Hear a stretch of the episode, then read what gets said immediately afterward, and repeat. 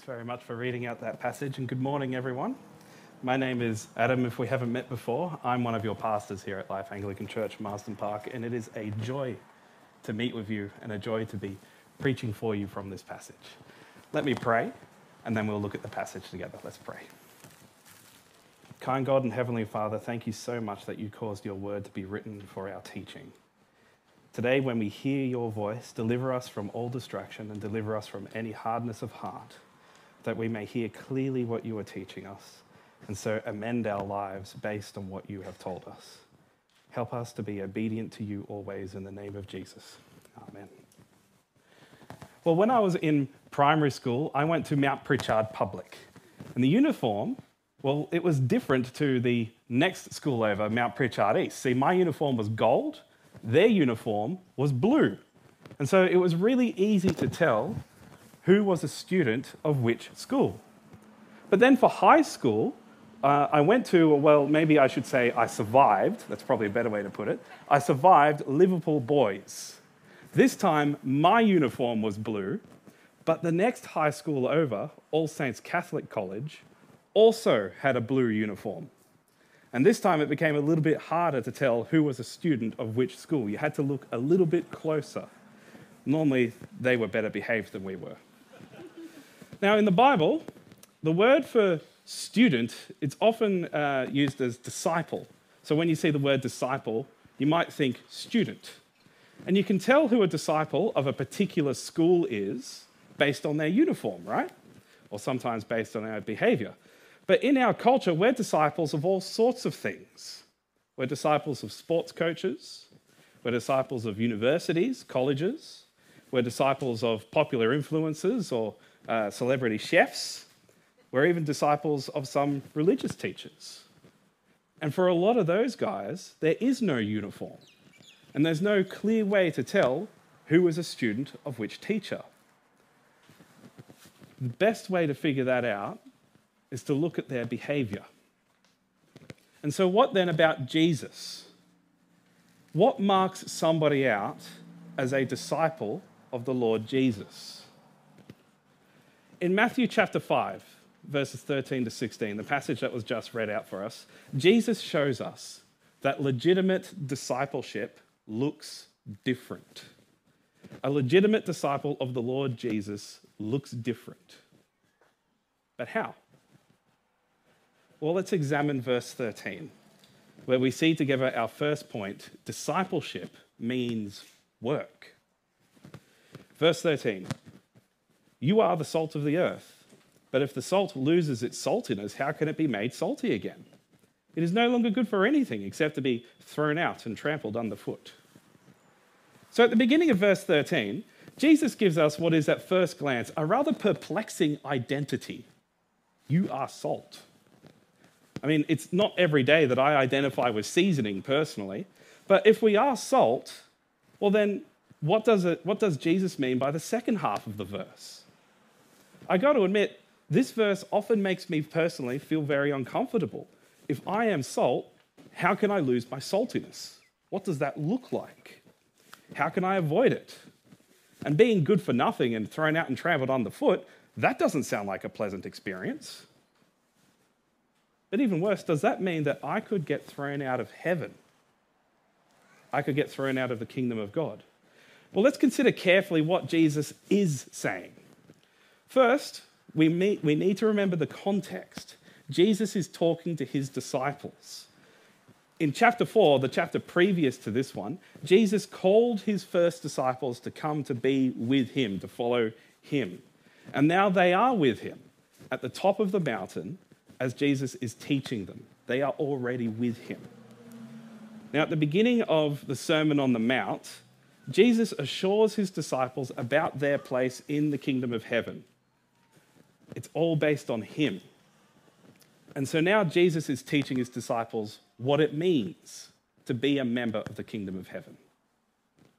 The first thing that he has to say is, You are the salt of the earth. So it's almost as if salty is part of the school uniform. But why salt? Why are we talking about salt? I mean, my wife, Chin, and I, we've been living here in Marsden Park since early December, And we've taken to do our, doing our groceries over at Rouse Hill Town Centre. That is when we can find parking. We particularly like eating at the Nando's there. That's become a bit of a favourite for us. And that's because when we were living in Parramatta, there wasn't a Nando's close to us, or at least I didn't know where one was.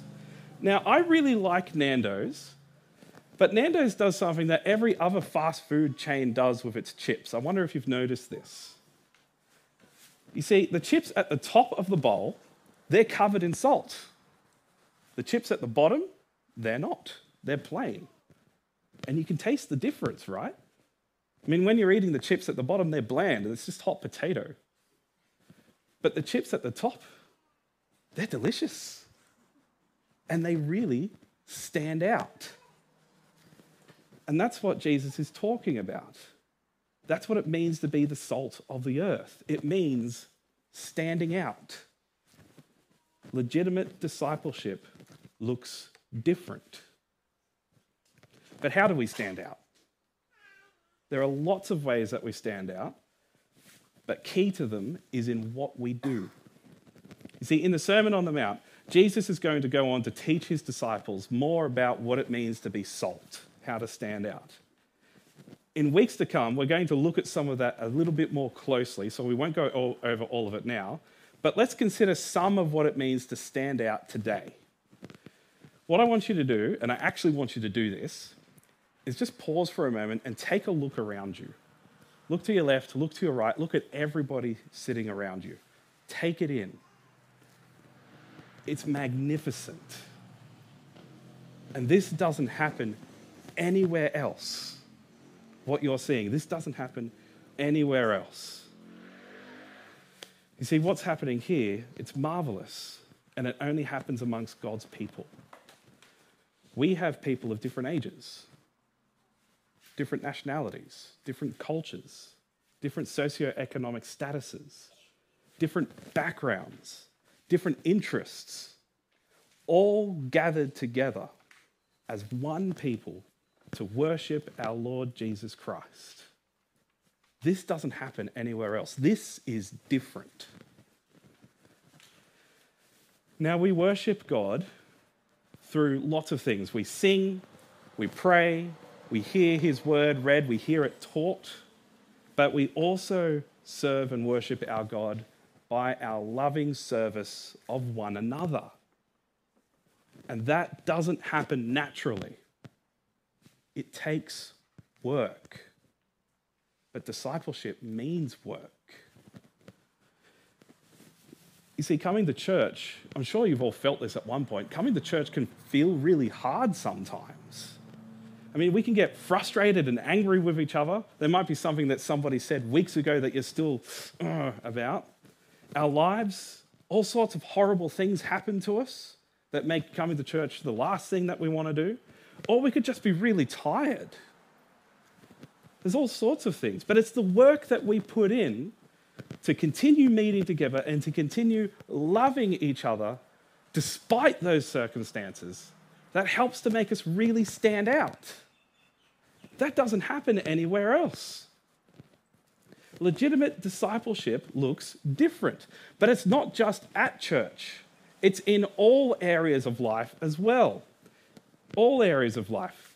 So, in the workplace, in the, uh, the office, while everybody is gossiping about a particular person or complaining about a particular thing, we don't gossip. We don't join in. Or in school, when everybody's being loud and rowdy, but the teacher calls for quiet, we're the first to be quiet. Or at home, when your family's just rubbing you the wrong way, you bite your tongue and you don't lash out because they're the easiest people to lash out at. You see, it's the little things like that, the little decisions like that, that we make a thousand times a day that help to make us really stand out as legitimate disciples of Jesus. But it takes work. It doesn't happen naturally, and we won't always get it right. And so, what does that mean?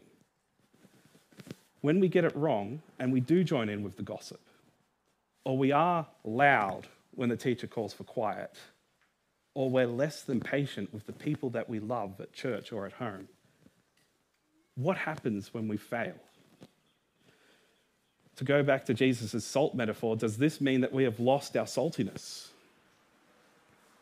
No. No, brothers and sisters, it doesn't. Take comfort in the first two words of verse 13. You are. You are the salt of the earth. Not you must become the salt of the earth. Not that you must try to be the salt of the earth, but you are. It's set in stone. Salt cannot lose its saltiness. I even Googled it. It can't. So, why then does Jesus talk about the idea of salt losing its saltiness? Well, you see, Jesus is pointing out an absurdity, something that just won't happen. Salt will not lose its saltiness. Disciples will always be disciples, and legitimate discipleship looks different. It stands out. And this is a great comfort for us. If you have gotten it wrong, then don't be scared. Don't think that your place in heaven is jeopardized. Instead, keep working. Keep being the salt of the earth because it stands out, especially if you keep working after getting it wrong, after knowing that you've gotten it wrong and deciding, actually, I need to change that. That really stands out. And it might even make somebody ask, What makes you so different? How can you keep going after getting it wrong? And that leads us to our next verse and our second point for the morning. Discipleship means hope. Verse 14 You are the light of the world. A town built on a hill cannot be hidden. Neither do people light a lamp and put it under a bowl. Instead, they put it on its stand and it gives light to everyone in the house. Now, just in case anybody's feeling nervous and they don't want to cause any offense, I'll just say it right here, right now. It's out in the open, it's totally public news now. My wife, Chin, is pregnant. thank you, thank you. Thanks very much. Uh, I did very little work. But we're over the moon about it. You see, we're in the second trimester now. Baby looks healthy. Everything's going well. I even saw a picture of baby the other day. It brought a tear to my eye. And some of you, maybe uh, if we're friends on Facebook yet, uh, now, some of you even saw this picture where I announced the, uh, the, the, pregnancy. It's a little bit cryptic, but the idea is table set for four. Uh, but the reason why I've announced it this way, the reason why uh, I, am telling you all, is because it's great. It's a great joy. And I really want to share in that joy with you. But there's another reason why I'm letting you all know. Chin's in the second trimester. We can't hide it anymore. No matter how baggy the clothes, no matter what we do, that bump is showing. We simply can't hide it. I think it looks magnificent, by the way. But everyone can now see it. And being a disciple of the Lord Jesus kind of works a little bit like that legitimate discipleship looks different and it stands out. You see, the image uh, Jesus uses to describe this idea is light. Now, today, we take light for granted. It's kind of everywhere. At the flick of a switch, we have light inside this building. You have light inside your house, even if it's midnight, assuming you've paid your electricity bills. Uh, we've got light everywhere. We even have it in our pockets and our phones, right? But in the ancient world, light was not easy to come by so readily especially at night time. And so, a town on a hill with torches on its walls, on its ramparts, or torches in the uh, guard's tower, or maybe candles in the homes, that would stand out. You would be able to see it for miles and miles around. And so that means that Jesus is saying that living as a legitimate disciple stands out. Legitimate discipleship looks different. But how is this different to what Jesus was saying earlier when he was talking about being the salt of the earth? Well, to be honest, in a lot of ways, it's actually not that different. But there is a subtle difference. You see, with the salt metaphor, discipleship meant work. With the light metaphor, discipleship means hope. But the two work together, they're not separate from each other. You see, it's hope that shows itself through our work. You see, when we live as the salt of the earth, we are also the light of the world. This is one reason why we have such confidence when we do get it wrong to pick ourselves up and keep going, because we have a real living hope. Hope that is not based in ourselves, based on our performance or our ability to get it right, but based on what Jesus has done. Who Jesus is, the Son of God. You see, through Jesus, we have been brought into a perfect relationship with our God, such that we have his forgiveness. We don't work as the salt of the earth in order to earn salvation. We work because we have it. We work because we are loved by God. And so, since discipleship means hope, and we live in a world that is completely shrouded in hopelessness, in darkness, sin, death, suffering, and pain, we have real hope. We know that the answer to every problem is Jesus. And so we get on with life. We get on with living as a disciple of the Lord Jesus, living in honor of God, not afraid, but living in hope. And this is our life right now. This is what we have right now. You see, being a disciple of the Lord Jesus doesn't just mean that you are a student.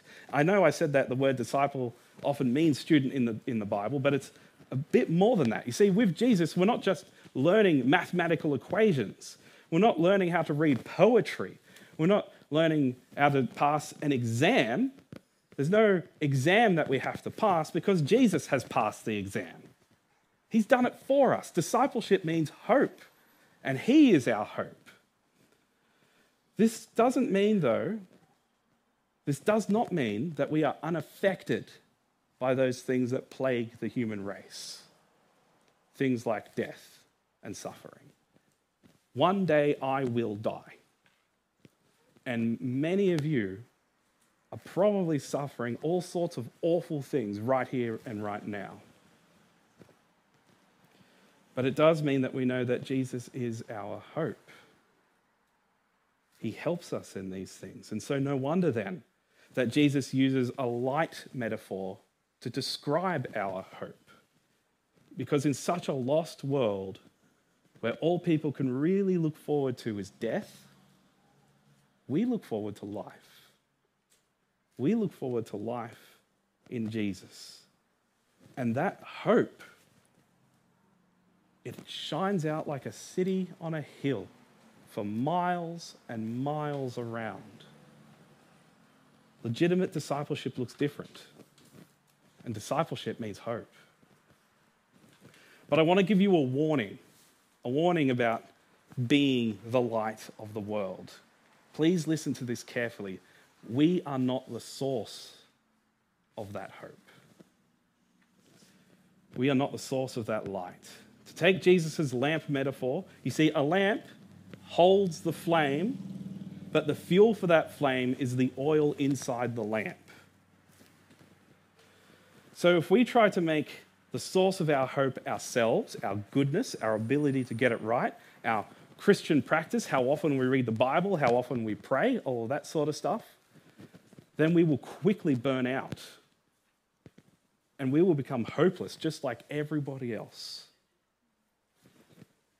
No, instead, we can't do this ourselves. We need Jesus. And so never forget, brothers and sisters, that the fuel for our light, the source of our hope, is the Lord Jesus Christ Himself. Rest in Him.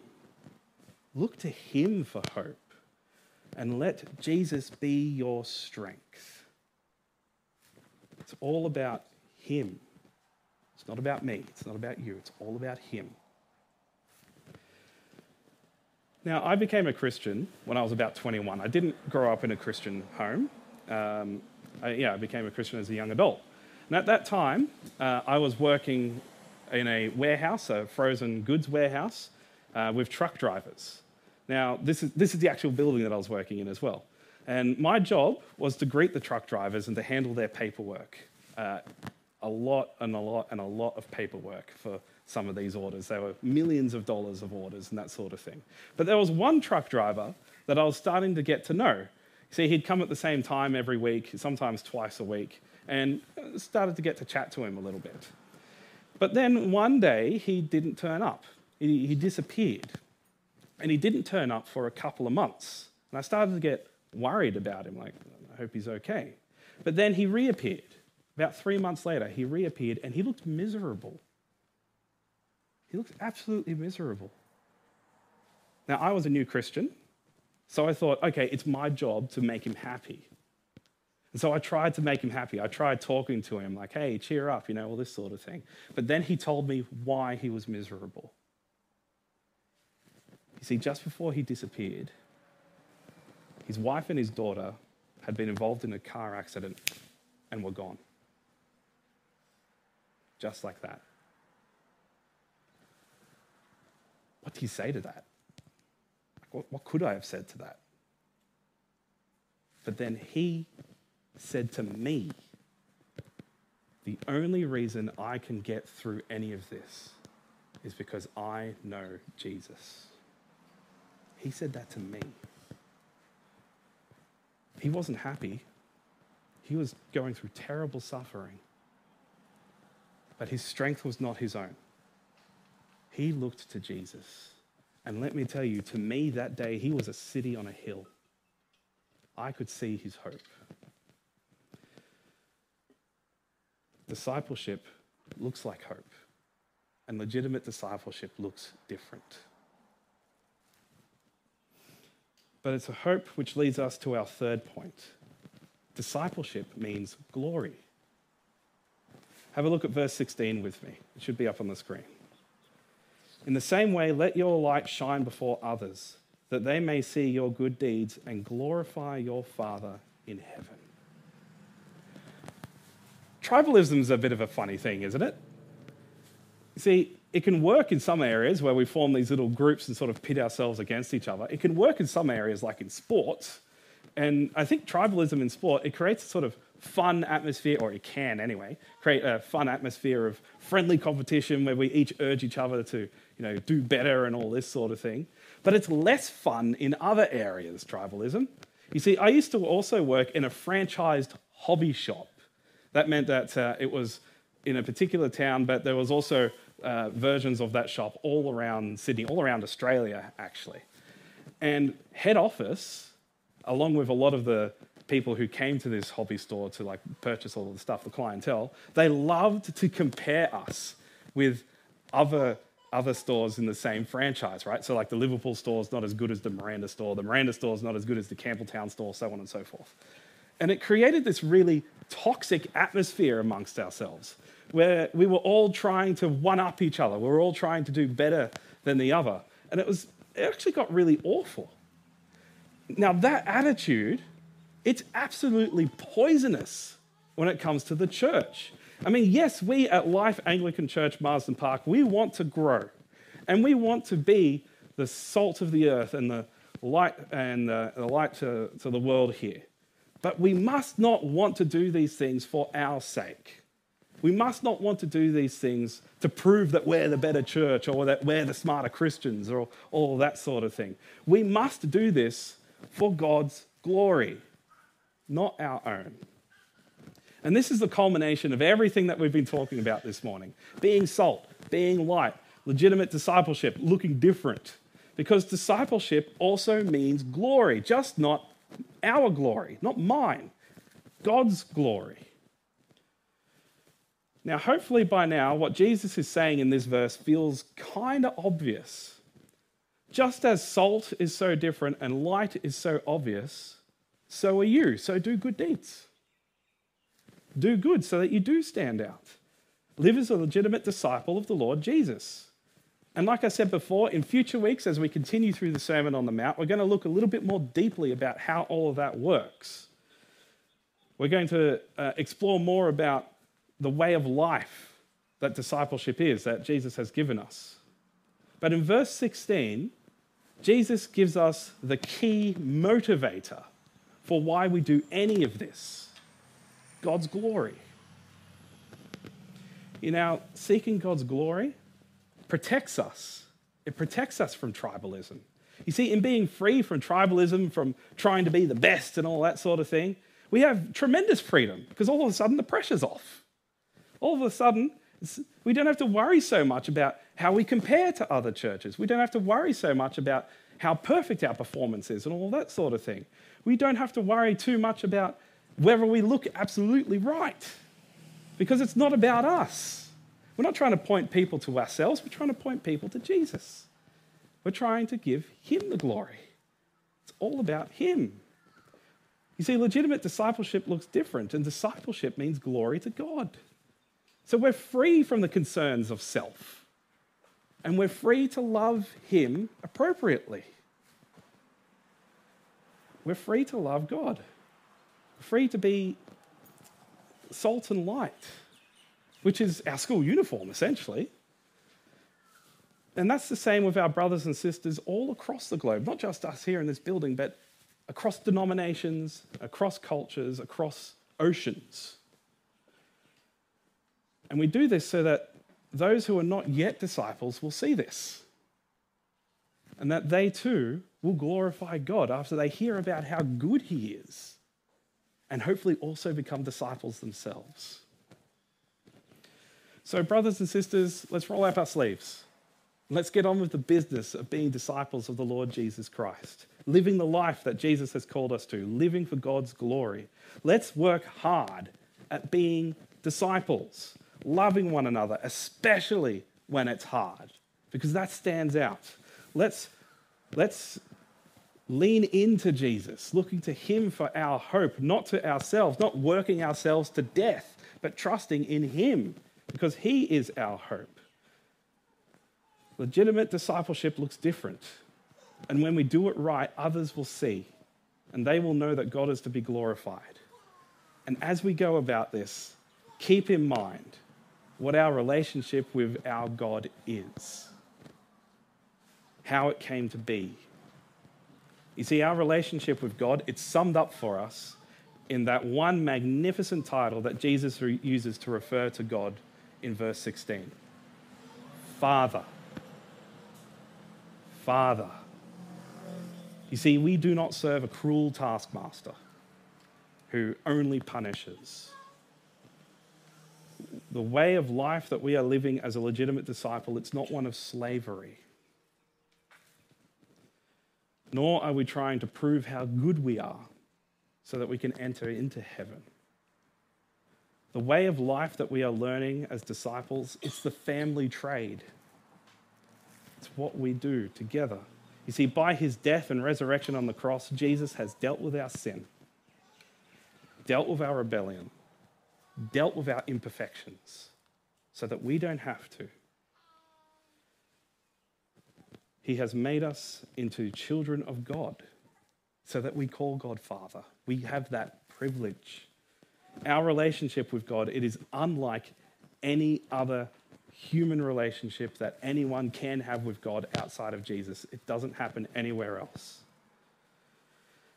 Our Father is glorified as we live as salt and light, working to love those around us and showing our hope even when things are difficult, showing the gospel of the, of the Lord Jesus to this darkened world, this hopeless world. By faith in Jesus Christ, we call God Father we have this new way of life that He has given us, and it stands out. Legitimate discipleship looks different. Will you pray with me? Kind Father God, we praise you that you have made us into your people, into disciples of Jesus, that you have given us this new way of life. Help us to work hard at being disciples not in an attempt to earn our salvation, but because we have hope in the Lord Jesus. Help us to live as salt and light, that others may see the difference that you bring, and your name would be glorified. Amen.